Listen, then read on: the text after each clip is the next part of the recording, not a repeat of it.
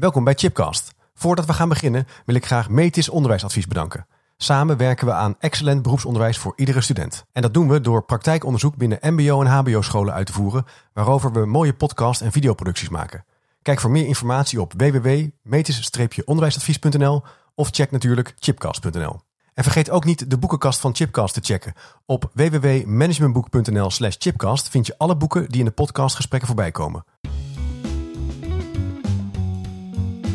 Welkom bij een nieuwe aflevering van Chipcast. Een podcastserie waarin ik op zoek ga naar verrassende antwoorden en nieuwe perspectieven op vragen die mij bezighouden. En in deze podcast staat de vraag centraal: het zelfgekozen levenseinde. Hebben we het recht om ons eigen einde te kiezen? En het gesprek ga ik voeren met Klaas Rosemond. Klaas, welkom in de uitzending. Dankjewel. In de studio. Ja. Leuk dat je er bent. Ehm, Klaas, je bent eerder hier in de podcast eh, eh, te gast geweest om te praten over Het Kwaad. Ja, Een boek wat je eerder schreef. En nu gaan we nog een stapje verder. Want we gaan het hebben over een eh, recente publicatie die je hebt eh, gemaakt. Jij bent filosoof en jurist.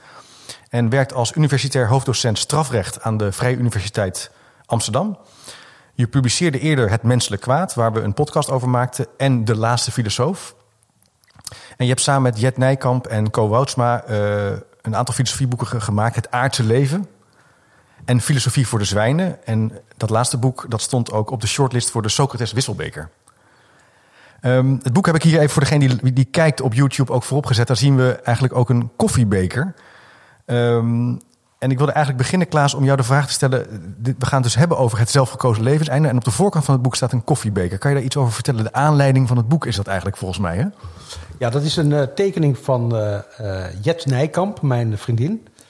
Ehm, en dat verwijst naar de koffiezaak, die ik in mijn boek bespreek... en die eigenlijk ook een beetje de aanleiding voor het boek was.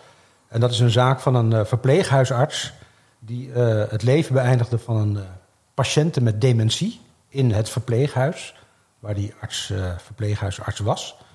En ze deed dat door een slaapmiddel in de koffie van die patiënten te doen, waardoor die patiënt versuft raakte. En vervolgens die patiënt een infuus toe te dienen met een dodelijk middel. En omdat ze dat eerst eh, met een slaapmiddel in de koffie deed, om die eh, toediening van dat eh, infuus mogelijk te maken, wordt het ook wel de koffiezaak genoemd. Ja. Een eh, akelig detail van die zaak is dat die slaapmedicatie niet helemaal werkte. Dus die vrouw die kwam, die was niet in slaap toen dat infuus werd toegediend, ingebracht. Mhm. En die leek zich ook te verzetten. Ze kwam omhoog en leek weerstand te bieden tegen dat inbrengen van het infuus. En toen moest ze ook worden vastgehouden door haar echtgenoot, die instemde met die levensbeëindiging om eh, levensbeëindiging mogelijk te maken. En, en eh, illustratief voor die zaak was dat die arts eh, van tevoren niet tegen die patiënten heeft gezegd dat ze dit zou gaan doen. Dus tegen die patiënt is niet gezegd: ik ga jou een me- een medicatie toedienen om, om toediening van een infuus mogelijk te maken.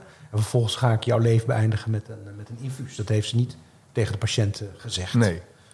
En ehm, dat laatste was voor mij een eh, trigger, zeg maar. Dat was echt een eh, schokkend element.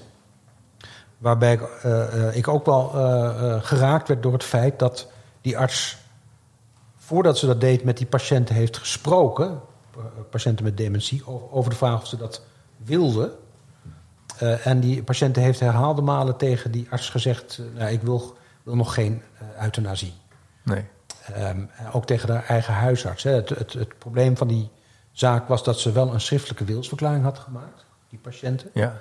En in die schriftelijke wilsverklaring had ze gezegd, hè, op het moment dat ze de diagnose dementie kreeg en ook langzaam achteruit ging ten gevolge van die ziekte, heeft ze een schriftelijke wilsverklaring gemaakt, waarin ze nadrukkelijk heeft gezegd: Ik wil niet worden opgenomen in een verpleeghuis. Eh, en als dat gebeurt, of als dat noodzakelijk zou zijn, als ik niet meer thuis te handhaven Ja. dan wil ik euthanasie. Ja, maar dat, en dat is wel dus zo gebeurd. Dus op zich, eh, eh, die, eh, hoe zit dat dan? Want ze heeft dus wel blijkbaar ooit daar eh, bij volle verstand Ja, eh, over kunnen beredeneren, wat kunnen opschrijven. ja. Maar in die laatste fase is, dat er, is er is wat jou betreft wat misgegaan.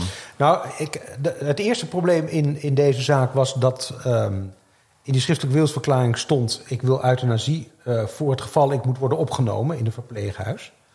Eh, en ze refereerde ook aan de ervaringen die ze met haar eigen moeder heeft gehad, want die heeft twaalf jaar lang in een verpleeghuis gezeten, dementerend. En dat wilden ze beslist niet meemaken.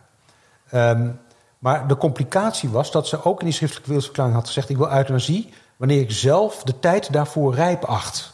Ja. Eh, en dat was in die zaak een, een discussiepunt. En het tweede was dat ze op een gegeven moment met haar huisarts eh, en met, met haar echtgenoot erbij ook gesproken heeft over euthanasie. Ehm, want op een gegeven moment was ze zo ernstig ziek dat ze eigenlijk niet meer thuis kon worden verzorgd. Nee. En ze zwierf s'nachts door het huis en eh, daar kon allerlei dingen niet meer waar ze bij geholpen moest worden. Dus ze moest op een gegeven moment naar een verpleeghuis. Ze zat ook al in de dagopvang van een verpleeghuis, maar ze zou daar permanent moeten worden opgenomen. Dus toen, toen kwam er een gesprek tussen haar en de huisarts. En die huisarts die heeft toen tegen haar gezegd: Nou ja, je hebt die schriftelijke wilsverklaring gemaakt. En nu is eigenlijk de keuze van wil je, wil je euthanasie of wil je eh, worden opgenomen in het eh, verpleeghuis. Mhm. Eh, nou, ze was al zo ver heen dat ze op dat moment niet goed begreep wat euthanasie was. Dus dat moest aan haar worden uitgelegd, volgens de verklaring van de huisarts. Eh, maar die uitleg begreep ze wel. Ja. Ze begreep dus wel waar het om ging. De, de huisarts die zei: Je hebt nou de mogelijkheid dat ik jouw leven ga beëindigen volgens jouw schriftelijke wilsverklaring. En toen heeft die vrouw gezegd: Dat wil ik niet. Ik wil nu nog geen euthanasie. Misschien straks, als ik, word, als ik ben opgenomen in het verpleeghuis, maar nu nog niet. En dat is ook echt gedocumenteerd in de eh, strafzaak die uiteindelijk is gevolgd. Daar heeft die huisarts dat eh, verklaard. Nou ja, als een patiënt zegt: Ik wil nu geen euthanasie, ik kies nou voor opname in het verpleeghuis. Tegen de eigen schriftelijke wilsverklaring in. Ja, dan, dan word je dus wel opgenomen. Dan zeggen ze niet. Nee, gaan we... En die huisarts die heeft niet tegen die, die, die- tegen die patiënt gezegd: Ja, kun je nou wel zeggen dat u wil, worden opgenomen. Maar in uw, in uw schriftelijke wilsverklaring staat dat u nou euthanasie krij- krijgt. Dus ik heb nou alvast een slaapmiddel in uw koffie gedaan. En wat u verder ook wil, eh, u valt zo meteen in slaap, we gaan u euthanaseren. Ja, dat, dat heeft die huisarts niet gedaan. Nee. Dus die, die vrouw is dus in het verpleeghuis opgenomen. Ja, en daar was eigenlijk dezelfde situatie. Hè? Dus de verpleeghuisarts die heeft ook met die patiënten ge- ge- gesproken. Van ja, eh, eh, in het verpleeghuis, eh, de echtgenoot die wees die verpleeghuisarts erop dat die vrouw die schriftelijke wil- wilsverklaring had gemaakt. Dus dan heeft die verpleeghuisarts ook herhaalde malen met die patiënten gesproken over euthanasie. Er is zelfs op een gegeven moment iemand van de Levenseindekliniek, hè, wat tegenwoordig het Ja. Eh, expertisecentrum euthanasie heet, maar dat heette toen nog de Levenseindekliniek. Een ver- verpleegkundige van de Levenseindekliniek is in het verpleeghuis geweest om met die vrouw te praten. En die heeft rechtstreeks aan die vrouw gevraagd: ja, wil je nu dood? Eh, en die vrouw die heeft toegezegd: eh, nog niet, want het is nog niet zo erg. Hm. En dat is eigenlijk de laatste eh, verklaring ehm, waar, waarvan echt is aangetekend wat die vrouw eh, op die vraag heeft eh, gezegd. Hè. Dat, Ja. dat is een aantekening uit het medisch dossier wat de verpleeghuisarts heeft bijgehouden. Staat in, nou ja, toen, kwam die verpleegkundige in het verpleeghuis. We hebben met die vrouw gesproken over, met de patiënten gesproken over euthanasie. En de eh, verpleegkundige heeft rechtstreeks aan de betrokkenen gevraagd: wil je nu dood? En die, die patiënt heeft toen gezegd: nog niet. Het is nog niet zo erg. Nee. Dus dat is ook een verklaring waar je uit zou kunnen afleiden. Maar dat is natuurlijk allemaal, ja, dat had, dat had die arts misschien wat beter op moeten schrijven. Maar uit, waar je uit kunt afleiden dat die patiënt op dat moment nog wel begreep waar het over ging. Ja. En ze kon ook een tijdsaanduiding in haar verklaring opnemen. hè? Ja, nog niet. Het was, ja, het was niet Ja. zo dat ze zei: nee, ik wil het niet. Eh, maar eh, eh, er was een thuisaan. ja, ik, vond het, ik vind het nu nog niet zo erg dat ik nu euthanasie wil. Maar misschien straks wel. Dat zei ze ook tegen de huisarts. Hè, toen die discussie was: wil je nu euthanasie? Of wil je toch nog naar het verpleeghuis? Toen zei ze: nou, nu nog niet. Ik wil nu nog geen euthanasie. Maar misschien straks wel. Ja. Dus ze heeft altijd eh, de mogelijkheid opengelaten van... Nou, misschien komt er een moment dat ik zeg, het, gaat, het is nu te erg. Maar dat moment was voor haar nog niet aangebroken. Het stond ook in een schriftelijke wilsverklaring. Hè? Ik wil euthanasie wanneer ik daar zelf de tijd rijp voor acht. En Ja. eigenlijk heeft ze steeds ja, in overeenstemming met haar schriftelijke wilsverklaring gezegd... nu nog niet. Nu nog niet. De tijd is nog niet rijp. En, en, eh, hoe, is het, hoe is het dan nu geregeld zeg maar, in de wet als je euthanasie Ja. wilt overwegen of dat wil vastleggen? Want, want Nou ja, dat, heb je de, ja de, de, de, de- hoe is het dan mogelijk hè, als iemand zegt... ik wil geen euthanasie, dat Ja. je het dan toch doet? dat het dan toch gebeurt? Nou kijk, bij euthanasie ehm, is er een, eh, een eh, het eerste vereiste is dat je een zogenaamd vrijwillig en wel overwogen verzoek tot euthanasie doet aan Ja. een arts. Ja. En dat heeft deze patiënten in mondelinge zin nooit gedaan. Hè. Ze heeft nooit aan haar huisarts of aan de verpleeghuisarts het mondelinge verzoek gedaan. ik wil nu euthanasie. Hè, de verklaringen tegen de artsen waren altijd, ik wil nog geen euthanasie. Ehm, het tweede vereiste is, je moet ondraaglijk en uitzichtloos lijden. Dus je, ten gevolge van een ziekte. Ja. Dus bij haar zou dan de dementie zo erg moeten zijn dat het uitzichtloos is. Dus geen mogelijkheid voor verbetering. Door eh, medicatie, eh, therapie, eh, verandering van omstandigheden. Dus uitzichtloos en ondraaglijk. En dat is natuurlijk ook een punt in deze zaak. Ja, die vrouw leed heel erg onder haar ziekte. Ja. Als je de zaak leest, is het wel duidelijk dat Ja. ze ja, boos was, agressief was vaak. Ruzie maakte met andere patiënten in het, in het verpleeghuis. Vocht met het personeel. door de gangen doolde omdat ze niet kon slapen. Dus haar toestand was niet eh, eh, gunstig, niet, Nee. niet positief. Het was niet een, een, een gelukkige, blije demente zoals je ze wel eens hebt. Maar het was iemand die erg leed onder haar situatie. Maar was dat nou ondraaglijk? Hè? Dat, dat eist de wet. Dus het lijden moet zo, zodanig zijn dat het ondraaglijk is. Nou, kennelijk vond die patiënten dat zelf nog niet ondraaglijk. Nee. Tenminste, dat, dat is wat ze steeds zei. Dus die twee vereisten, mondeling verzoek, ondraaglijk lijden. Ja. Ja, je zou denken, daar is niet aan eh, voldaan. Maar, en dan kom je bij het heikele punt van de wet. De wet zegt dat, je, eh, dat een arts ook eh, een schriftelijke wilsverklaring kan uitvoeren. hè. Dus levensbeëindiging op grond van een schriftelijke wilsverklaring. Deze patiënt had een schriftelijke wilsverklaring waarin ze zei...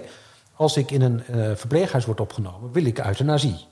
Dus als je dat zo letterlijk leest, dan was, er een, was er een schriftelijke basis voor de levensbeëindiging. Maar dan zit je met het probleem, ja, maar die patiënten zelf zei, ik wil het nog niet. Precies. En ik vind het ook nog niet ondraaglijk. Ondraaglijk. Dat zijn de twee punten dan waar het... Ja. Ja, maar de, de redenering van de arts was, ja, eh, de schriftelijke wilsverklaring heeft ze opgesteld op het moment dat ze wilsbekwaam was. En dat betekent volgens de wet, ze was in staat tot een redelijke waardering van haar belangen. Op het moment dat ze haar schriftelijke wilsverklaring opstelde. hè. Dus op het moment dat ze die schriftelijke wilsverklaring maakte.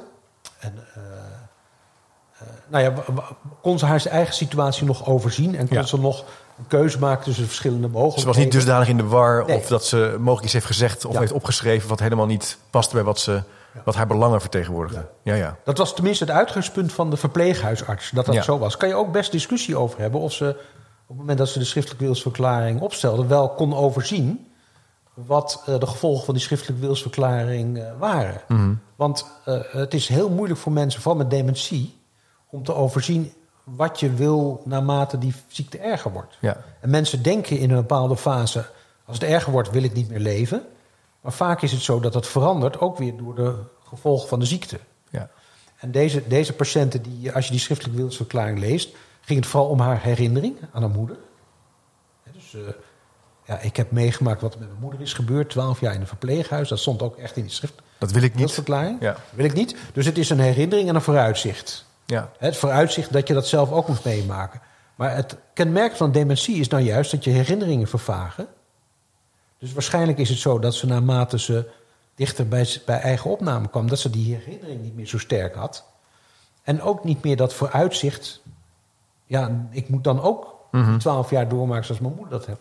Dat, dat heeft de huisarts ook eh, gezegd in die, in die eh, zaak. Die heeft bij de toetsingscommissie gezegd: ja, mijn indruk was hè, van, van de huisarts. Eh, het lijden werd minder naarmate de ziekte verder vorderde. En dat heeft natuurlijk ook weer te maken met de aard van het lijden. Ja. Het is niet puur alleen maar de ziekte die je op dat moment hebt. Maar ook de herinnering en de, en de toekomst. Je, je, je kennis, je overzicht, Ja. eh, hoe je het kunt terugkijken wordt anders. Dus het kan Ja. zo zijn, niet in deze kaas, maar dat je misschien na een paar jaar anders denkt. Ja. Letterlijk anders denkt over die wilsverklaring, Ja. over dat papiertje. Omdat je gewoon simpelweg niet meer Ja. het repertoire hebt wat je toen had. Ja. Ja, ja. En dat is waarschijnlijk bij deze vrouw ook gebeurd. Hè? Dat heeft de huisarts ook wel verklaard. Ja. Naarmate de dementie verder vorderde, nam het lijden af bij deze patiënt. Tja. Omdat ze die herinnering waarschijnlijk niet meer had. En dat perspectief niet meer zag. Ja, Door haar cognitieve achteruitgang. ja.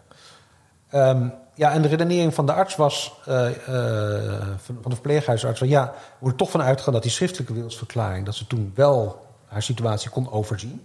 Ook al ha- had je dit, dit probleem natuurlijk. Ehm, en op het moment dat ze in het verpleeghuis was, was ze daartoe niet meer in staat. Kon ze haar eigen situatie eigenlijk niet meer op een redelijke manier waarderen. En dat is het criterium. Ben je tot een redelijke waardering van je eigen belangen in staat? Nou, die verpleeghuisarts die zei, ja, dat kan deze patiënten niet meer. Dus die is wilsonbekwaam geworden. Eh, en dat betekent dat wat zij zegt op dat moment en wat ze wil, Mhm. dat je daar geen waarde aan hoeft te hechten. Dus als zo'n eh, patiënt in het verpleeghuis zegt: Ja. ik, ik wil niet dood, dan is dat een, een wilsuiting van een wilsonbekwame patiënt. Ja. En dan mag je dus wel degelijk in dit geval. Dan mag je de schriftelijke wilsverklaringen ten uitvoer eh, leggen. Hoe is, hoe is dit nu verder gegaan in termen van. Dus je hebt nu iets geschetst over hoe het zeg maar, in de wet is vastgelegd. Ja. En over de casus hè, de, eh, eh, van, van, aan de hand van de voorkant van, de, van de ko- het koffiebekertje. Wat is er daarna gebeurd, even juridisch gezien? eh, want het is tot en met de Hoge Raad Ja. gegaan. Daar gaat je boek ook over. Ja. Ja. het is misschien uitdagend, maar kan je pro- proberen een soort samenvatting te geven Ja. van wat er daarna is gebeurd? Nou, kijk, de, de, de wettelijke regeling zit zo in elkaar dat een arts die euthanasie pleegt, die moet dat melden Ja, bij de gemeentelijke lijkschouwer. En dan komt het bij een toetsingscommissie. Er zit een arts, een jurist en een ethicus in. En die beoordeelt of het zorgvuldig is, is gegaan. Nou, en de toetsingscommissie zei in deze zaak, eh, dit had niet zo gemogen. En dat komt door, die, door dat voorbehoud in die schriftelijke wilsverklaring... wanneer ik daar zelf de tijd rijp voor acht. Dus dat is een duidelijk voorbehoud van die vrouw... dat ze zelf nog wil aangeven... vind ik het eh, wel te erg of Ja. nog niet te erg. ja, ja. Eh, dus de toetsingscommissie zei, eh, ja, eh, je mocht die schrift, de- door dat voorbehoud in die schriftelijke wilsverklaring, had je die niet ten uitvoer mogen leggen. Je had echt moeten wachten tot die vrouw zelf aangaf dat ze de tijd rijp achtte. Dat heeft ze gewoon in, bedongen in haar schriftelijke wilsverklaring. Dus dat zei de toetsingscommissie. Nou, als een toetsingscommissie zegt het is onzorgvuldig, dan gaat het naar de inspectie gezondheidszorg en naar het Openbaar Ministerie. En de inspectie die kan een tuchtzaak beginnen bij een medisch tuchtcollege. Het Openbaar Ministerie kan een strafzaak beginnen. Hè? Moord of euthanasie, dat zijn allebei eh, ernstige misdrijven. ja. Nou, het is eerst bij het tuchtcollege gekomen. Het tuchtcollege was het met de toetsingscommissie eens. Oké, ja. Dus het tuchtcollege, medisch tuchtcollege zei... ehm, inderdaad, die schriftelijke, met dat voorbehoud in die schriftelijke wilsverklaring... had je hem niet zo mogen uitvoeren, die schriftelijke wilsverklaring. En daar voegde het tuchtcollege iets aan toe. Het tuchtcollege zei, ja, eh, je had bovendien... dat is een belangrijk tweede element in de uitspraak van het tuchtcollege... je had bovendien de patiënten wel moeten informeren. De wettelijke informatieplicht van de arts, dat staat in eh, de, de wet op de geneeskundige behandelingsovereenkomst. Daar staat in, je moet je patiënt informeren over medische handelingen. Nou, en dat heeft deze arts niet gedaan, want Nee. ze heeft verzwegen ja. dat ze die medicatie eh, ging toedienen, die verdovende middelen. En dat ze een dodelijk middel ging toedienen. Dus die twee medische handelingen, die heeft ze tegenover haar patiënten verzwegen. Dat mag niet van de wet. Nee. Er staat in de wet dat je je patiënt moet informeren. En je moet ook eh, met de patiënt overleggen. Eh, eh, de patiënt die heeft een toestemmingsrecht. Je mag alleen maar medische handelingen verrichten met toestemming van de patiënten. En dan moet je, daarvoor moet je met de patiënten over, overleggen. Dat heb je ook niet gedaan. Ehm, dus het medisch tuchtcollege voegde naar een tweede onzorgvuldigheidsgrond aan toe. Die schriftelijke wilsverklaring had dat voorbehoud. En je had de patiënt wel moeten informeren, wel met de patiënt moeten overleggen. Nou, je kan eh, in medische tuchtzaken kan de arts in beroep gaan bij het Centraal Tuchtcollege. En het Centraal Tuchtcollege bevestigde dat. Oké, ja. Die zei op die twee punten klopt het wat eh, het regionaal tuchtcollege Den Haag heeft beslist. Hè, over die schriftelijke wilsverklaring en over die, eh, over die informatieplicht. Nou, toen is het Openbaar Ministerie een strafzaak begonnen. De arts, eh, eh, het, het gaat hier om moord, zei het Openbaar Ministerie, niet Ja. euthanasie. Nee. De, de, de regeling van euthanasie is zo dat ehm, euthanasie dat is eh, levensbeëindiging op uitdrukkelijk en ernstig verlangen van de patiënt. Ja.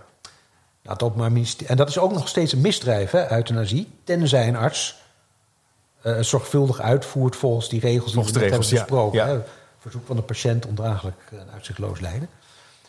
Maar het Openbaar Ministerie, ja, het gaat hier niet om het, zei, het gaat hier niet om het misdrijf euthanasie, dat hebben ze ook wel te lasten gelegd. Maar het gaat hier om moord. Dat was het standpunt van het Openbaar Ministerie. En bij moord is er dus geen uitdrukkelijk en ernstig verlangen van de, van de patiënt. Eh, dus eh, de arts werd vervolgd voor moord. Dat is natuurlijk een hele, hele Heftig. heftige, ja. aanklacht. Ja. Ehm, en de, maar de rechtbank eh, in de strafzaak was het dus niet met het Openbaar Ministerie eens. De rechtbank die zei nee, wij vinden dit geen moord, maar euthanasie.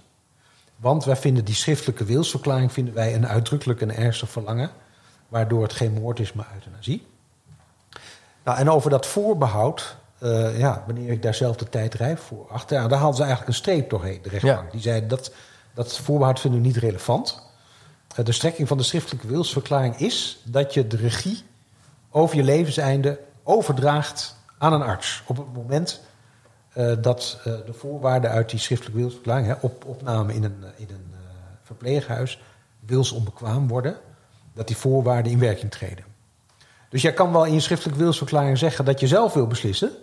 Maar de strekking van de schriftelijke wilsverklaring is dat je je beslissingsrecht Overdraagt. overdraagt aan een arts. Ja, ah, ja, oké. Op het moment dat de arts zegt je bent wilsonbekwaam. Ja, duidelijk. Dus de rechtbank die ging niet mee in dat verhaal van de toetsingscommissie en de tuchtcolleges. Nee. De rechtbank die zei nee, de, strek, eh, de juridische strekking. Ja, de vraag is natuurlijk of die patiënten die juridische strekking wel begreep toen ze die schriftelijke wilsverklaring ondertekenden. Dat geldt voor heel veel mensen. Hè. Mensen, de luisteraars die nou thuis een schriftelijke wilsverklaring hebben liggen, die ze hebben ingevuld. Ja, de strekking daarvan is dus, volgens de rechtbank, u draagt uw beslissingsrecht over aan uw arts. Ja. Op het moment dat de arts zegt, u kunt niet meer zelf beslissen.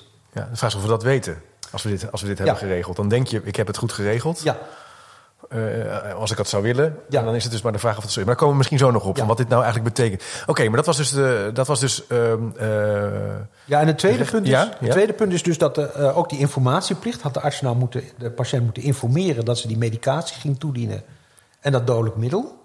Daarvan zei de rechtbank nee, want die patiënt was niet meer in staat om, de, om die informatie te begrijpen.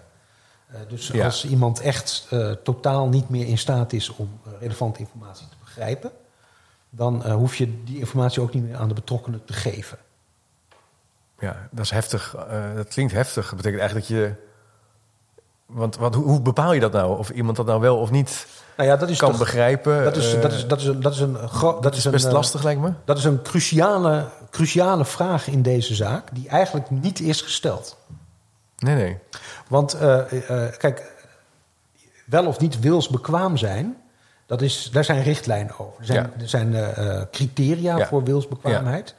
En er zijn procedures om dat vast te stellen. De KNMG die heeft daar een modelrichtlijn voor opgesteld in 2004. En een stappenplan hoe een arts dat kan eh, beoordelen. Ehm, en dat is een uitwerking van die informatieplicht van de arts. Ja. staat in de wet op de geneeskundige behandelingsovereenkomst, opgenomen in het burgerlijk wetboek. Daar staat, de arts moet de patiënt informeren. Nou, en de KNMG heeft over die informatieplicht... hebben ze een richtlijn gemaakt hoe je dat met mensen met een geestesziekte... hoe je dat moet doen als je vermoedt dat ze wilsonbekwaam Ja, zijn. dus je kan die, dat protocol Ja. kan je volgen. Nou, en, en de essentie van dat protocol is eigenlijk dat je begint met het informeren van je patiënt over de beslissing die je eh, wil gaan nemen. Dus het vreemde, het Dat is vreemde heel- van, die zaak, van deze zaak is de, de arts heeft de patiënt niet geïnformeerd. Ja. Terwijl voor de beoordeling van de wilsbekwaamheid is vereist dat je, dat je de patiënt daar wel over informeert. Dat staat heel expliciet in die richtlijn. En er staat niet ergens een soort klein kattenbelletje van... tenzij diegene niet meer kan... Nee, want het is juist de discussie. Dat hè? Van discussie, hoe, bepaal je, hoe bepaal je nou dat iemand informatie begrijpt Ja. en daarover kan beslissen? Ja, je begint dus met die met informatie te geven. Ja, anders kan je ook nooit checken. Precies. Ja. Dus de, de, de, de, de arts in deze zaak en ook de rechtbank in deze zaak heeft die logica omgekeerd. Ze hebben dus gezegd, eh, omdat die persoon niet meer kan beslissen over zijn eigen situatie, hoef je hem niet te informeren. Maar de richtlijn zegt precies het tegenovergestelde. Je moet eerst iemand informeren. En dat, de richtlijn geeft een, een heel eenvoudig voorbeeld, een gastroscopie. En dat is, dus, ze doen een slangetje in je, in je mond Ja. om te kijken of er iets in je maag mis is. Hè? Iemand, Ja. en- en iemand zit in een verzorging, een verpleeghuis. Ja. Met dementie zit in een verpleeghuis. De hele tijd maagpijn. Wat is nou met die maag aan de hand? Dan moet je een gastroscopie uitvoeren. Ehm, maar ja, als iemand dan zegt, wil ik niet. Nee, ik wil geen slangetje in mijn mond. Nou, dan krijg je dus het probleem. Kan die daar nog wel over beslissen? Is nog wel wilsbekwaam? Nou, dan zegt dus die richtlijn, die zegt, nou, dan informeer je iemand eerst zo volledig mogelijk over wat je gaat doen. Dan Ja. zeg je, nou, we gaan een slangetje in uw mond. En op het niveau dat iemand het nog zou kunnen begrijpen. Ja. Dat staat ook echt Ja. expliciet. Eh, eh, eh, passend bij iemands bevattingsvermogen. Ja. Ga je dan uitleggen, ja, we gaan een slangetje in uw mond doen, want u heeft het buikpijn. En misschien is uw maag niet meer goed, moeten we iets, eh, moeten we me- medicatie geven of een operatie doen en daarom doen we dat slangetje. Kunt u dat begrijpen? Nou, en, en als je dat hebt uitgelegd, kun je kijken of iemand daar een beslissing over kan nemen. Als iemand dan zegt, ja, als, je- als dat de reden is, oké, ga je gang. Dan betekent het iemand dat hij, da- dat hij die informatie begrijpt en daar een beslissing over kan nemen. Dus Ja. dat is het mechanisme van die richtlijn. En als je dat bij euthanasie zou doen, dan zou je dus iemand informeren van, nou ja, u, we, we hebben de indruk dat u ondraaglijk lijdt. Eh, en u heeft een schriftelijke wilsverklaring dat u, dat u euthanasie wil. Maar eh, wil u nou wel euthanasie? Wil, wilt u op dit moment... Ja. Hè, we leggen We zijn hier bij elkaar. we- ja, dit zou dus nu kunnen gaan gebeuren. Ja. Wat die huisarts dus in, in een eerder stadium heeft gedaan. Die Ja. huisarts heeft eer, in een eerder stadium met de patiënten besproken. Van ja, je hebt die schriftelijke wilsverklaring. eh, eh, die, arts moest wel, die huisarts moest wel uitleggen wat de euthanasie was. Maar dat begreep die patiënten. En die zei, ik wil dat nog niet. Dus als je dan... Nog niet, nee. Ja, nog niet. Dus als je dat naast die richtlijn denkt, dan denk je van, nou ja, dat is eh, in overeenstemming met die richtlijn. En dan moet je ervan uitgaan dat iemand nog wel kan beslissen. Iemand kan informatie begrijpen en kan daar een beslissing over nemen. Ja. En kan ook wel opties afwegen. Hè. Wil Ja. je nou euthanasie of verder in het verpleeghuis? Ja. Nou, misschien wil ik later euthanasie, maar nu is het nog niet zo erg. Daar zit een afwegingsmoment in Ja. En een bepaalde logica. Als je het nog niet zo erg vindt, waarom zou je dan, waarom zou je dan nu al dood willen? Ja. Dus als je de criteria, hè, dus eh, begrijpen van informatie, een keuze kenbaar maken, een afweging kunnen maken van verschillende Mhm, opties, logisch kunnen redeneren, dat zijn de vier criteria voor wilsbekwaamheid. Dan zou je denken, ja, een patiënt die zegt: Ik vind het nog niet zo erg, Eh, ik begrijp wat de euthanasie is, ik wil het nu nog niet, misschien straks wel. Er zitten afwegingen in, er zit een logica in, informatie begrijpt ze, ze kan een keuze kenbaar maken, ik wil het nu nog niet. Dus als je de, als je de richtlijn ernaast legt, denk je, ze is nog wilsbekwaam. Ja. Ten aanzien van deze specifieke beslissing. En misschien is ze in de algemene zin niet meer in staat om over alle aspecten van haar leven beslissingen te nemen. Ja. Maar als je dit met haar bespreekt en aan haar uitlegt, kan ze dat wel. Eh, maar de rechtbank die is daar helemaal niet op ingegaan. Die is helemaal niet ingegaan Op de dat punt. Nee, dus die heeft dat helemaal eh, laten liggen. Dat is eigenlijk ook al een beetje een probleem bij de toetsingscommissie en de terugcolleges. Die zijn van de wilsonbekwaamheid van die patiënt uitgegaan. ja. En dat, en- maar het is daarna naar de Hoge Raad gegaan. Ja, en ook de Hoge Raad die is dus niet op dit punt van de wilsbekwaamheid ingegaan. Dus dat hele punt van hoe, hoe stel je nou vast of iemand wel of niet over zijn eigen situatie kan beslissen, aan de hand van die richtlijn van de KNMG uit 2004, die is in die hele zaak niet aan de orde geweest. Nee. En de, de hele tijd is de uitgangspunt geweest, ja, die vrouw was dementerend Ja. en kon niet meer over zichzelf beslissen. Terwijl als je, de, als je de informatie uit de zaak neemt en dat vergelijkt met die richtlijn, dan denk je, ja, ze kon wel over zichzelf beslissen. Ja. Maar dat is dus dat is, dat is het, het grote heikele punt. En de Hoge Raad die heeft dus de rechtbank gelijk gegeven. En gezegd, ja, in dit geval mocht je de schriftelijke wilsverklaring wel volgen. En de, de terugcolleges en de toetsingscommissie hebben dus ongelijk gekregen bij de Hoge Raad. En dan, dan vraag je je natuurlijk af, hoe zit het dan met die informatieplicht? Ja. Want die staat ook in de wet. Ja. Er staat in de wet, een arts moet de patiënt informeren over een medische handeling. Ja, daar heeft de Hoge Raad niks over gezegd. Nee. De, de, de, de, de, de- hebben Eh, twee- ja, Eigenlijk zou je moeten zeggen dat altijd moet je iemand informeren. Of ook al is iemand niet meer Ja. aanspreekbaar, Ja. eh, kan iemand niet, want dat, is, dat hoort bij die, die, bij die procedure, even mijn eigen woorden. En het is eh, de volledigheid van de informatie je hebt. Dat is, anders kan je ook geen oordeel vellen over of je wel of niet verder moet. Ja, dus de, de, de, de, als je de, de logica van de richtlijn van de KNMG volgt, begin je met iemand te informeren over de medische Dus handeling. dat, Maar er zit nog een tweede aspect aan. Je informeert ook iemand dat je zijn wilsbekwaamheid gaat beoordelen. Ja, Dat staat ook in die richtlijn. Hè? Meneer of mevrouw, wij twijfelen of u zelf nog wel een beslissing kan nemen. Dus dat willen we nou gaan beoordelen. Daarom Ja. gaan we met u een gesprek voeren. ja. Dat moet je tegen iemand zeggen. Ja. Dat is ook niet gebeurd in deze. Maar je zou natuurlijk in- in dit geval, maar goed, ik ben dus geen jurist, maar even gewoon, als je naar deze kaas kijkt, en ook, je gaat er ook overigens in je boek eh, eh, op in. Hè. Op een bepaald moment leg je zo'n document vast. Ja. Ehm, en je, je hoopt eigenlijk dat als je dan later eh, in de war bent, eh, dat je dat document hebt. Ja. En dat, dat het dan doorgang kan vinden. Wat, dat, wat dat op dat moment in de tijd je wens was om er een punt achter te zetten. Ik zeg het maar even een beetje onerbiedig. Ja. Maar dat, alleen dat is natuurlijk heel moeilijk vast te, Ja. le- te leggen. En, en daar, daar, daar kom je dan ook op uit. Hè? Nou ja, de, de, de, de, de, de, de, de eh, strekking van het document, van de schriftelijke wilsverklaring is... Ja. Die schriftelijke wilsverklaring is van toepassing als jij echt niet meer kan beslissen. Nee. Daarvoor is hij bedoeld. Maar dan moet je dus eerst vaststellen of iemand nog kan beslissen. Ja. En dan moet je die richtlijn volgen. Ja. En die richtlijn zegt, je moet iemand eerst informeren. Ja. Om te kijken of hij erover kan beslissen. Die hele logica die is eigenlijk Die is heel- gepasseerd in deze zaak. Ja, want jij schrijft er ook, even een stukje uit het boek eh, halen, eh, pagina 143, over de filosofie van de zelfbeschikking.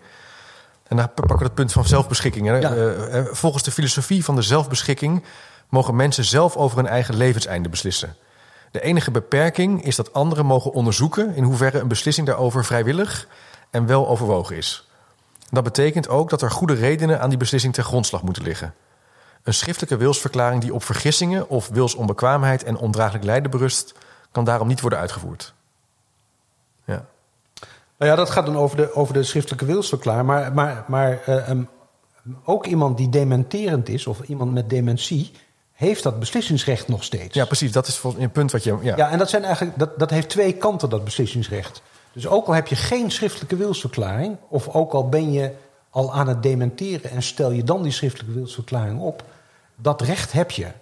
Dus als je dementerend bent, kan je om euthanasie verzoeken. En als je kijkt naar de jaarverslagen van de toetsingscommissies, eh, er is net weer eentje over 2020 eh, verschenen. Ja, er worden iets van, laten we zeggen, 150, 160 gevallen per jaar gemeld bij de toezichtcommissies, waarbij euthanasie bij een dementerende is toegepast. En in het overgrote deel van de gevallen werden die mensen wilsbekwaam geacht en deden zij het verzoek. Ja. Dus dat zijn mensen met dementie die zeggen: Ik wil nu euthanasie. Ja. En dat is een fundamenteel recht. Hè? Dat is jouw zelfbeschikkingsrecht, Ja. ook al heb je dementie. Dus het feit dat je dementerend bent, is eh, geen argument, of niet zonder meer een argument om te zeggen: ja, maar jij kan geen euthanasie. Nee, maar dat is een belangrijk punt. Want je- in, de, in, de, eh, zeg maar in de media of in de, zeg maar, eh, da- daar wordt nog wel gedaan van ja, als je dement bent, nou, dan, dan is het voorbij. Dan kan je niet meer nadenken. Je mag geen besluit Nee. meer nemen. Dat is dus niet zo. Dat is absoluut onwaar. Zeker als je die uitspraken bekijkt. Er is, ehm, eh, ik bespreek één voorbeeld in mijn boek ook van een vrouw. die in een verpleeghuis is opgenomen. Dus vergelijkbaar met die koffiezaken. Ja. Eh, en die moet naar de gesloten afdeling. Die is niet meer te handhaven in de open afdeling van het verpleeghuis. Die moet echt naar een afdeling waar ze niet meer uit kan. Waar de deuren op slot gaan. Hè? Ja. Want als je daar Ja. eh, vrij gaat, laat rondlopen, gaat ze zwerven. Gaat ze het huis uit. Kunnen niet meer terugvinden, want ze kan de weg niet meer terugvinden. Zo ver heen is zij. Ja. En dat zegt, ze zegt, dat wil ik niet. Ik wil niet naar een gesloten afdeling. Nee. En het is een vrouw met een oorlogstrauma. En het doet, ze, het doet haar aan de oorlog herinneren als ze in een gesloten afdeling zit. Dus ze zegt, ze, dan, wil ik euthanasie, zegt ze. En dat krijgt ze ook. Ik geloof dat ze wel een schriftelijke wilsverklaring eh, had, die vrouw. Maar de arts die was van oordeel dat ze ter zake van het verzoek om euthanasie wilsbekwaam was. Tja. Dus dat betekent dat mensen heel ver heen kunnen zijn Ja. door hun dementie. Zo ver heen dat ze naar een gesloten afdeling moeten. Omdat ze de weg kwijtraken, verdwalen, het huis verlaten, niet meer kunnen terugkeren enzovoort. Maar dat aspect betekent niet dat je wilsonbekwaam bent Nee. ter zake van zo'n verzoek. Dan moet een arts, als iemand zo'n verzoek doet, moet hij gaan onderzoeken: is dat nog vrijwillig en wel overwogen? En ook bij iemand die in, ja, in een gesloten afdeling van een verpleeghuis eh, terechtkomt. Ook zo iemand kan nog een eh, wilsbekwaam verzoek doen. Ja, dat, dat, ik denk dat de meeste mensen denken dat kan niet. Nee, Want als je naar een gesloten afdeling... dan ben je zo dim- ja, ja, zo, zo het, plat gezegd. Ja. Die zijn gek, die kunnen dat niet meer. Nee. Daar moeten we voor zorgen. Ja. En dat is dus niet zo. nee. Nee. Ja, in, in het boek heb jij het ook over zacht paternalisme. Maar, Oh, sorry, ja, ga je- eh, wil je nog iets- Er, zit dus ook een ander eh, tegenovergestelde aspectje aan. Als zo iemand naar de gesloten afdeling moet... Ja, eh, en een schriftelijke wilsverklaring heeft waarin staat... als ik naar de gesloten afdeling moet, wil ik euthanasie... en je vraagt op dat moment aan zo iemand... wil je nou euthanasie? En die zegt nee, Nee. dan is hij dus nog steeds hartstikke wilsbekwaam... ten aanzien van dat nee. Ja. Dat is, je kan niet zeggen, omdat hij Nee. naar een gesloten afdeling moet... is die nee niet meer geldig. Nee. Die ja is ook geldig. ja. Maar ook de nee. En Ja. dat, is, dat laatste aspect, dat is eh, vergeten in die koffiezaak. Dus dat is, eh, dat is eh, het, het treurige van... Het, het centrale probleem van die koffiezaak... dat het nee van die vrouw niet serieus Die is. is, dat is niet serieus genomen. En wat bedoel jij nou met zacht paternalisme? Nou ja, zacht paternalisme, dat is, eh, dat is eh, een term van de Amerikaanse filosoof eh, Joel Feinberg. Ja, En zacht paternalisme, dat betekent dat je, als je vaststelt dat iemand niet meer voor zichzelf kan beslissen, in, in een bepaalde situatie of permanent, dat je voor iemand mag beslissen. ja, Dus dat, dan krijg je ook. Kijk, in het, in, in het gezondheidsrecht is het heel gebruikelijk dat ehm, nou, bijvoorbeeld dementerenden of mensen met eh, zware psychiatrische problematiek, dat die over bepaalde aspecten, bijvoorbeeld iemand die ernstig psychotisch is, die kan over zichzelf niet meer beslissen of die wel of niet medicijnen moet nemen. Als je Nee. bijvoorbeeld aan iemand met een ernstige, met een zeer zware psychose, die echt totaal eh, achtervolgingswaanzin heeft, als je tegen, tegen zo iemand vraagt, ja, wil je nou medicatie om die psy- psychose? Nee, jij bent een marsmannetje. eh, dus, moet dus jij, allemaal niet doen. En die medicatie is om mij te kunnen ontvoeren naar, eh, naar eh, Jupiter. Dus, ik, nee, nee, niet meer, dus dan kan hij niet meer over zichzelf, die kan zijn situatie niet meer overzien. En, en dan is het zachte, zachte paternalisme dat je voor zo iemand kan beslissen in het belang van zo iemand. Ja. En dan mag je dus zeggen van ja, zo iemand kan door de, door de psychose waarin hij verkeert, kan hij niet meer zelf beslissen. En dan mag een vertegenwoordiger dat doen, een, een, de echtgenoot of uh, uh, kinderen of ouders, Ja. die mogen dat dan uh, beslissen. Ja. Maar dan moet je dus, uh, in het gezondheidsrecht is het dus heel belangrijk dat je dan eerst vaststelt dat iemand inderdaad in de toestand verkeert, dat hij ter zake van dat specifieke medische probleem, moet je nog, wil je medicatie voor psychose, dat hij daar niet over kan beslissen. Dus dat Nee. moet je eerst wel onderzoeken. Ja, moet Als iemand daar wel, wel over kan beslissen, dan, mag, dan, dan, Nee. dan moet je zijn eigen beslissing volgen. Ja. Nou, eh, eh, eh, nou is het een onderdeel van eh, het besluitvormingsproces ook dat, dat die term ondraaglijk lijden. Ja. En eh, in de voorbereiding, eh, ik had het toevallig over met iemand die zei van ja, waar komt die term eigenlijk vandaan? Was dat er nou vroeger ook? Eh, en we hadden het even in de voorbereiding over, ja, vroeger, Ja. toen er nog veel oorlog was, ja, dan werd je arm afgezaagd. En Ja. ja, dichtgenaaid, hupsakee, weet je, was geen pijnstilling. Ja. Er was waarschijnlijk niet een soort inzicht van ondraaglijk lijden. Misschien, of is het, was het er misschien wel, ik weet het eigenlijk niet. Nee. Heb jij daar, heb jij daar, hoe kijk jij daarnaar, dat die term ondraaglijk lijden? Ja, in de, kijk, in de, in de, in de euthanasiediscussie is dat denk ik opgekomen in de jaren zeventig. Toen kreeg je de eerste euthanasiezaken. En Hmm. er is toen een rechtbank eh, geweest die voor het eerst criteria heeft geformuleerd waaronder het eh, mag, euthanasie. En die zei, die rechtbank die zei in een bepaalde zaak. ehm, en dat, die is niet bij de Hoge Raad geweest, die zaak. Maar die, daar zei de rechtbank in die zaak. Ja, je mag euthanasie plegen. Hè, dus als iemand een uitdrukkelijk een ernstig verlangen Ja. uit om le- voor levensbeëindiging. En dat is een misdrijf. Hè? Euthanasie is op zich een misdrijf, maar dat is gerechtvaardigd als er sprake is van ondraaglijk en uitzichtloos lijden. Dat is in de jaren zeventig voor het eerst geformuleerd door een rechtbank. Ik denk Ja. dat daarvoor al in de, in de eh, ethische en medische discussies over euthanasie. eh, dat, dat dat begrip al werd, Ja. werd ontwikkeld. Ik Maar, maar dus euthanasie is een misdrijf, maar zelfmoord is geen misdrijf, denk Nee. ik. Nee. Maar hulp bij zelfdoding. Maar hulp bij zelfdoding weer wel. Ja. ja. Als ik jou touw geef waarmee jij je gaat Dat mag niet. vangen, mag dat niet. nee. Nee, oké. Ja, dus dat, dat, dat, daar in de jaren zeventig zijn ze over die term gaan nadenken. Of is het geïntroduceerd? Ja. In zekere zin om, om eigenlijk na te gaan denken over... Ja, ja en de Raad die heeft het dus eh, in de jaren tachtig voor het eerst heel expliciet erkend. Ja, Die heeft dus heel expliciet gezend- gekend als, als iemand een uitdrukkelijk en eh, ernstig verlangen uit dat zijn leven wordt beëindigd door een arts. Hè, Ja. dat, dat uit je naar een arts. Wil jij mij, eh, mijn leven beëindigen? En die arts stelt vast volgens medische criteria, hè, volgens de inzichten van de medische wetenschap en de medische ethiek. Dus medische wetenschap, medische ethiek, dat is weer de basis van dat Ja. begrip. Eh, als je volgens de medische wetenschap en de medische ethiek vaststelt dat iemand uitzichtloos lijdt, dus je kan er niet met medische eh, behandelingen verlichting in aanbrengen, en het is ondraaglijk, dus het is ook eh, zo erg dat iemand eh, het niet meer kan dragen, dan mag je iemands eh, leven Ja. beëindigen. Het is ook heel, een heel nadrukkelijk geformuleerd als een criterium voor de arts. ja. Dus de arts die moet met medische criteria vaststellen dat jij ondraaglijk en uitzichtloos lijdt. Dus heel erg het, het artsenperspectief. Hè. Een arts komt in een situatie terecht dat hij eigenlijk iemand niet meer met een gewone Nee. medische behandeling kan helpen. Nee. En hij wordt wel om hulp gevraagd. Ja, Dat is natuurlijk ook de, Ja. de, de, de, de relatie die zij hebben. ja, De patiënt of de mens, cliënt vraagt om hulp. ja.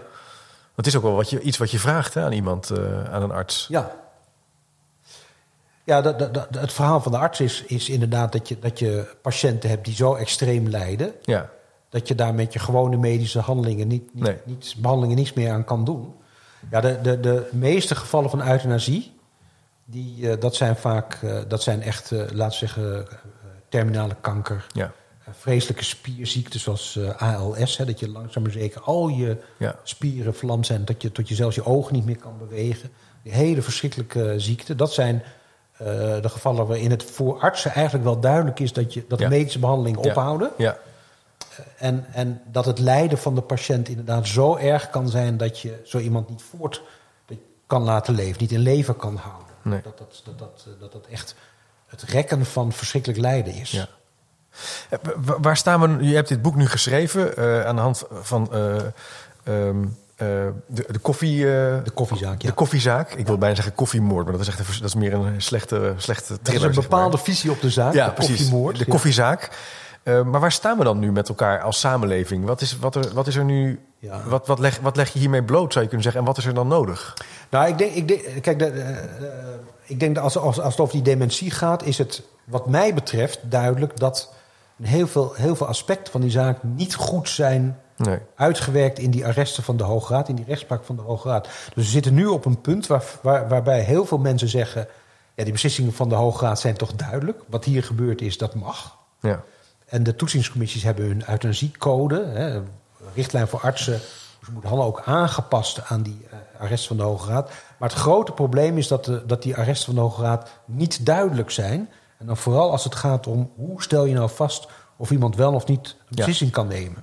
Dus die hele kwestie van de medische richtlijnen, die van, van die informatie uitgaan. Hè. Je informeert iemand over de medische behandeling die je wil verrichten, om te kijken of iemand daarover kan beslissen. Ja, die hele discussie is niet gevoerd in deze zaak. Nee. Dus die moet nog worden ge- gevoerd. De discussie over de vraag welke, welke medische richtlijnen, welke criteria gelden nou voor het bepalen of iemand wel of niet over zichzelf kan beslissen. En dat is, dat is eh, een kwestie van eh, medische richtlijnen en medische ethiek. Eh, en de KNMG, hè, de Koninklijke Nederlandse Maatschappij voor de Geneeskunde, die is daarmee bezig. En Ja. Verenzo, de Vereniging voor Specialisten Ouderengeneeskunde, die hebben ook richtlijnen die, al, die gebaseerd zijn op die KNMG-richtlijn uit 2004. Maar die richtlijnen zullen moeten worden verduidelijkt voor dit soort gevallen, voor dementiegevallen. Ja. En daar wordt nou aan gewerkt. Ehm, eh, en ik vermoed dat die, dat die richtlijnen veel meer in de richting zullen gaan van...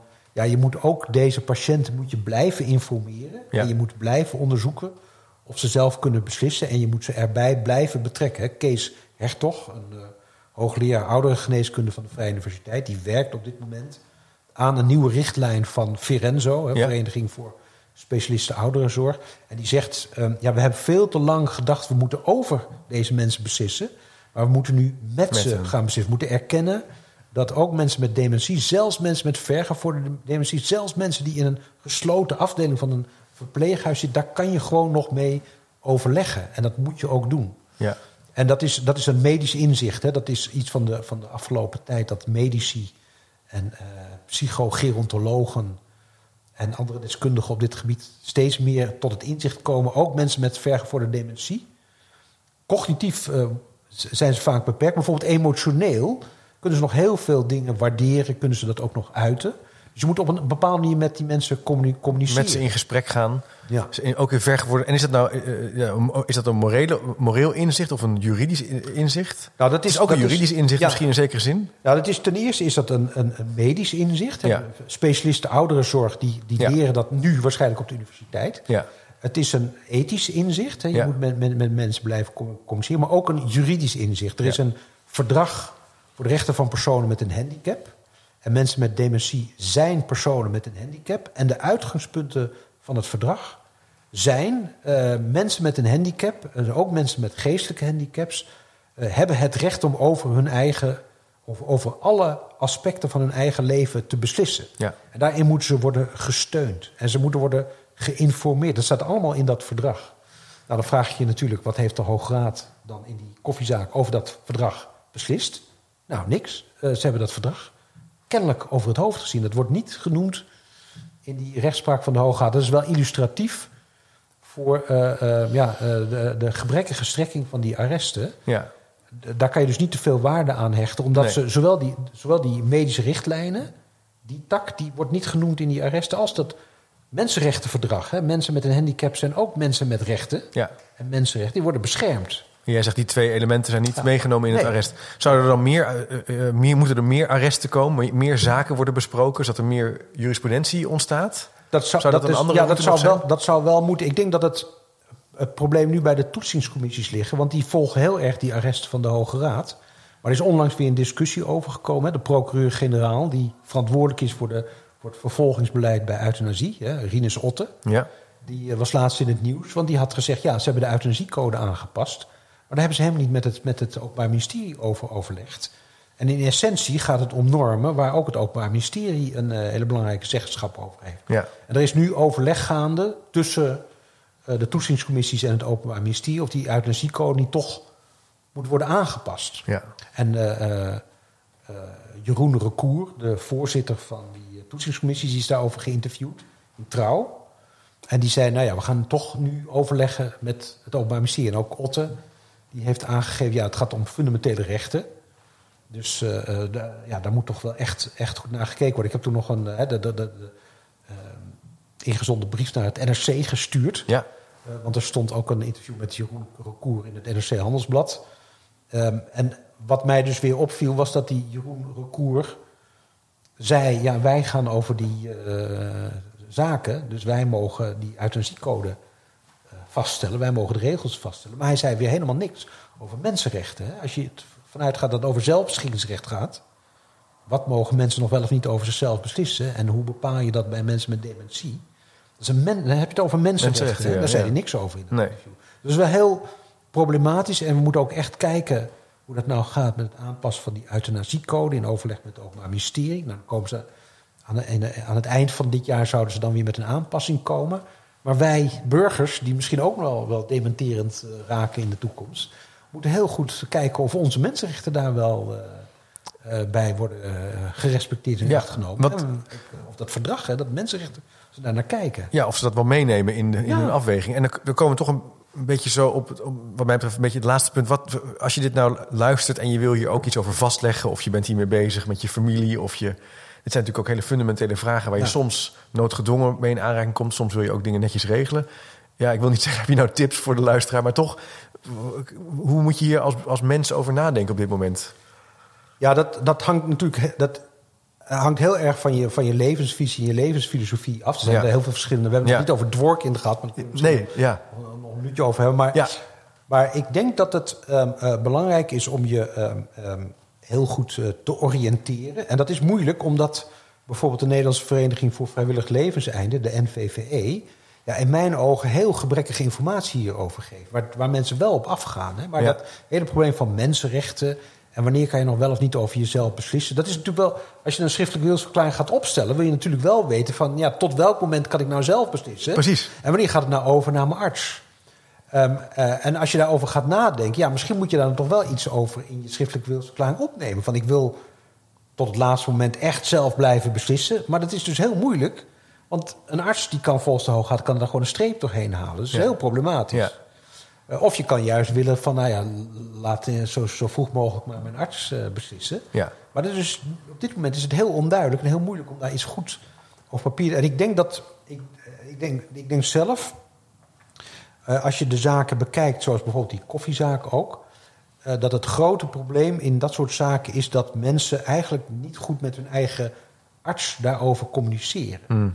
En als je die koffiezaak eh, neemt, ja, stel nou dat je op een bepaald punt zegt, ja, ik wil dat echt niet meemaken, die twaalf jaar in een verpleeghuis. Ja. Het gemiddelde, gemiddeld na, de, na het vaststellen van de diagnose dementie leven mensen gemiddeld nog acht jaar. Als je echt de, zegt, dat wil ik echt niet meer, meer- wil meemaken. En ik zie nu ook wel dat ik misschien ergens een omslagpunt heb dat ik het allemaal wel oké vind. Maar ik wil voor dat moment Ja. wil ik dat geregeld hebben en ook uitgevoerd hebben. Dat kan. Hè? De, de meeste zaken die bij de toetsingscommissie komen, zijn dat soort zaken. Hè, dat mensen nog wilsbekwaam zijn. Ehm, als je dat wil, als je dat traject wil, ja, in mijn boek noem ik dat de trajectclausule. Dan moet je een trajectclausule in je schriftelijke wilsverklaring opnemen. En met je huisarts. Dus je moet een goede band hebben met je huisarts. Dan moet je goede afspraken maken. Want dat omslagpunt wil ik, ik wil, dat wil ik voor zijn. Ja. Dat Ja. kan dus. Hè? Als je dat wil, moet je echt heel goed met je huisarts een afspraak over maken. Als je die koffiezaak leest, daar had die huisarts die had eigenlijk een hele lange periode geen contact meer met haar patiënten. Ja. Dus een half jaar voordat die kwestie, moet je nou wel voor niet. Had ze gewoon niet met die patiënten gesproken. En, en dat is precies Ja. de, de, de periode dat het, dat het bij die patiënt is omgeslagen. En als je dus dat moment wil voorkomen, moet je dus heel goed met je huisarts blijven overleggen. Moet je bij wijze van spreken maandelijks. Maar ja, huisarts hebben natuurlijk ook niet veel tijd. Nou, moet je tijd, dan moet je dus je moet er ook initiatief voor nemen. Ja. Of in ieder geval een goede relatie met je huisarts. Dat ja, echt dan moet je, ja, je, je krijgt de, de, de, de diagnose dementie. Je gaat er heel goed over nadenken. Je zegt, ik wil, dat, ik wil er echt voorkomen dat ik in dat verpleeghuis terechtkom en Ja. daar nog jarenlang zit. Als je dat zo wil. Ja, dan moet je dat traject dus heel goed plannen. En, en da- dus niet laten versloffen in een half jaar. Want dan, Nee, dan, ben je gewoon, nou ja, te laat. Dan, dan kan dan ben je uit- te laat, dan ja. Hey, en Denk een, een, een laatste, een, een laatste punt, Dworking, de filosoof die jij ook aanhaalt. Ja. Ehm, Ronald Dworking, hè, die, die eh, betoogt dat de waarde van het leven is gebaseerd op de kritische belangen van mensen. En mensen hebben een kritisch denkvermogen waarmee zij hun leven kunnen waarderen en kunnen bepalen wat hun kritische belangen zijn. En mensen kunnen dus bepalen wat de waarde van hun leven is op grond van wat Dworkin precedent autonomy noemt. Ja. Mensen kunnen hun autonomie uitoefenen voordat ze het vermogen verliezen om over de waarde van hun leven te oordelen. Oftewel, eh, ik kan nu iets daarover zeggen. Ja. En dan is, dat ook, dan is dat ook een besluit voor over tien jaar. Ja. Even in Nijntje taal, zeg maar, in mijn taal. Ja. En, en, en, en- Ja, hij is daar heel extreem in. Hij geeft, Ja. voor- hij ge- geeft het voorbeeld van Margot, zoals hij dat, haar noemt in dat boek.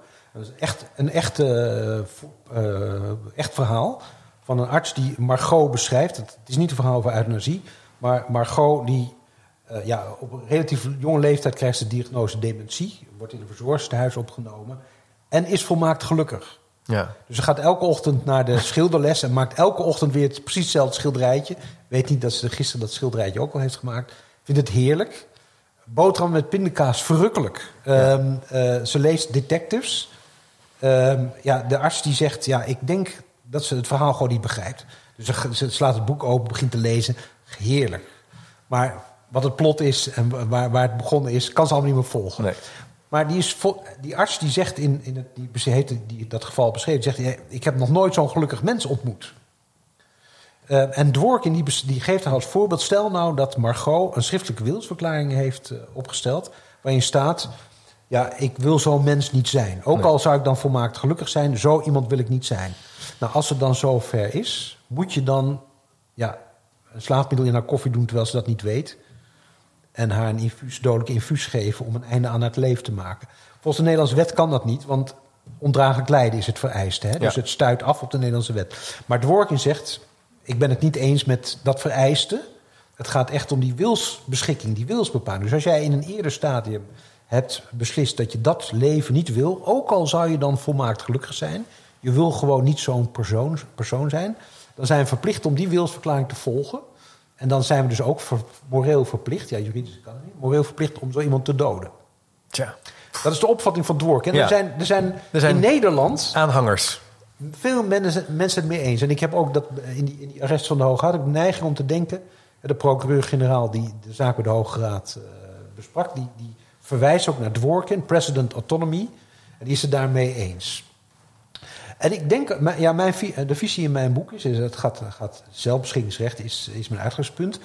Dat mag je doen bij een Dworkiniaan. Maar dan moet Ja. je dus echt ervan overtuigd zijn dat Margot, ehm, eh, in, toen ze die schriftelijke wilsverklaring opstelde, echt begreep wat de filosofie, wat de strekking van de filosofie van Dworkin was. Ehm, eh, en als dat zo is, dan mag je haar, eh, en moet je haar misschien zelfs wel doden. Maar niet iedereen is Dworkiniaan. Nee. Ik ben bijvoorbeeld geen Dworkiniaan, ik ben een epicurist. Ja. En epicuristen zeggen, ja, als je je gelukkig voelt, dan, dan is, dat is, dat is, daar, daar gaat het om in het leven. Dus ik zou wel zo willen leven als eh, Margot.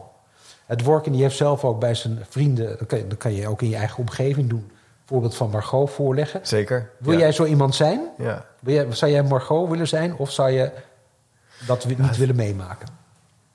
Het lijkt me eh, ontzettend lastig. Ik zou denken, als ik gelukkig ben... Ja. en ik, ik ben daar lekker aan het schilderen... Ja. en ik ben daar een boter en ik vind een boter met pindakaas ook echt wel lekker... Ja. dan zou, hoeft, zou ik het... Ik zou het ook heel erg schrikken vinden als iemand dan naar mij toe zou komen... Ja.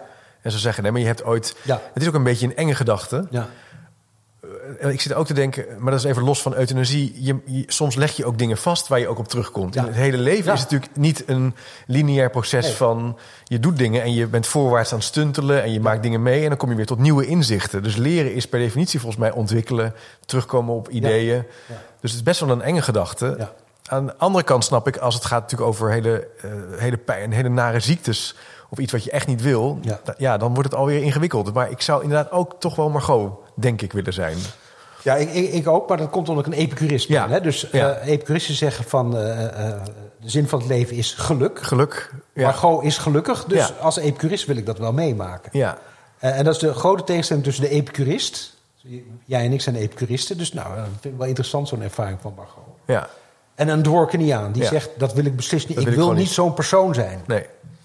En ik vind dat Dworkinianen het recht hebben om dat voor hun eigen leven te beslissen. Ja, eigenlijk zou de logica dan zijn dat je dan dat gewoon in een eerdere fase moet doen. Want Je krijgt dan inderdaad het probleem van... dan ga je bijvoorbeeld aan artsen vragen... ja, je moet die gelukkige mensen ook dood gaan maken. Ja. En dat is dus helemaal niet de taak van de arts. De ar- Nee. Bij de arts gaat het echt om de noodsituatie... waar je kan echt niks meer doen Nee. aan het ondraaglijk en uitzichtloos Precies, dat vind ik een heel belangrijk punt wat, wat erbij. Ja. Maar het is misschien wel interessant voor degene die nu luistert. Ben ik nou een dworkiniaan Ja. of een epicurist? Misschien een mooie afsluiting voor de podcast, eh, Ja, ik Klaas, had- om over na te denken. Ja, ik, had, ik, had, ik, had, ik, ik heb een keer een artikel geschreven met een, met een, met een...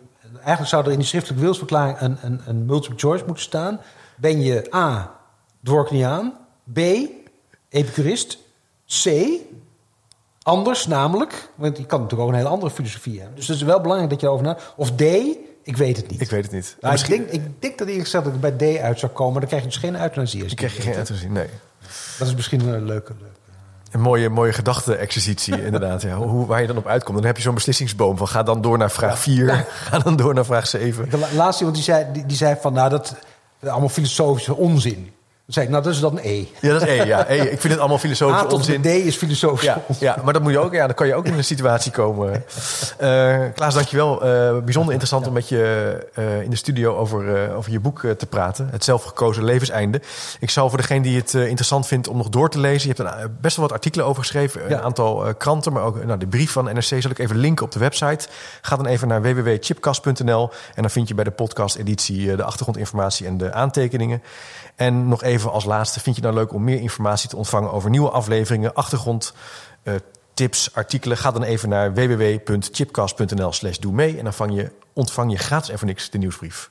Klaas, dankjewel. Graag gedaan. En best erg leuk. Ja, nee, eh, fijn en heel interessant. Nog allerlei nieuwe vragen. Ik ga nadenken of ik nou toch een epicurist ben of toch een dworkiniaan. Ik ben er nog niet helemaal over uit. Dat is een C, hè? Dan gaan we voor C. Nee, D. D. Ik weet het niet.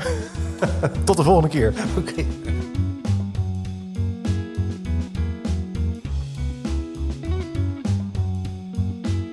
Managementboek is ook begonnen met een podcast, De Boekenpraktijk. Elke twee weken onderzoekt presentator Willem van Leeuwen samen met auteurs en praktijkgasten hoe de theorie van managementboeken aansluit bij de soms weer barstige praktijk.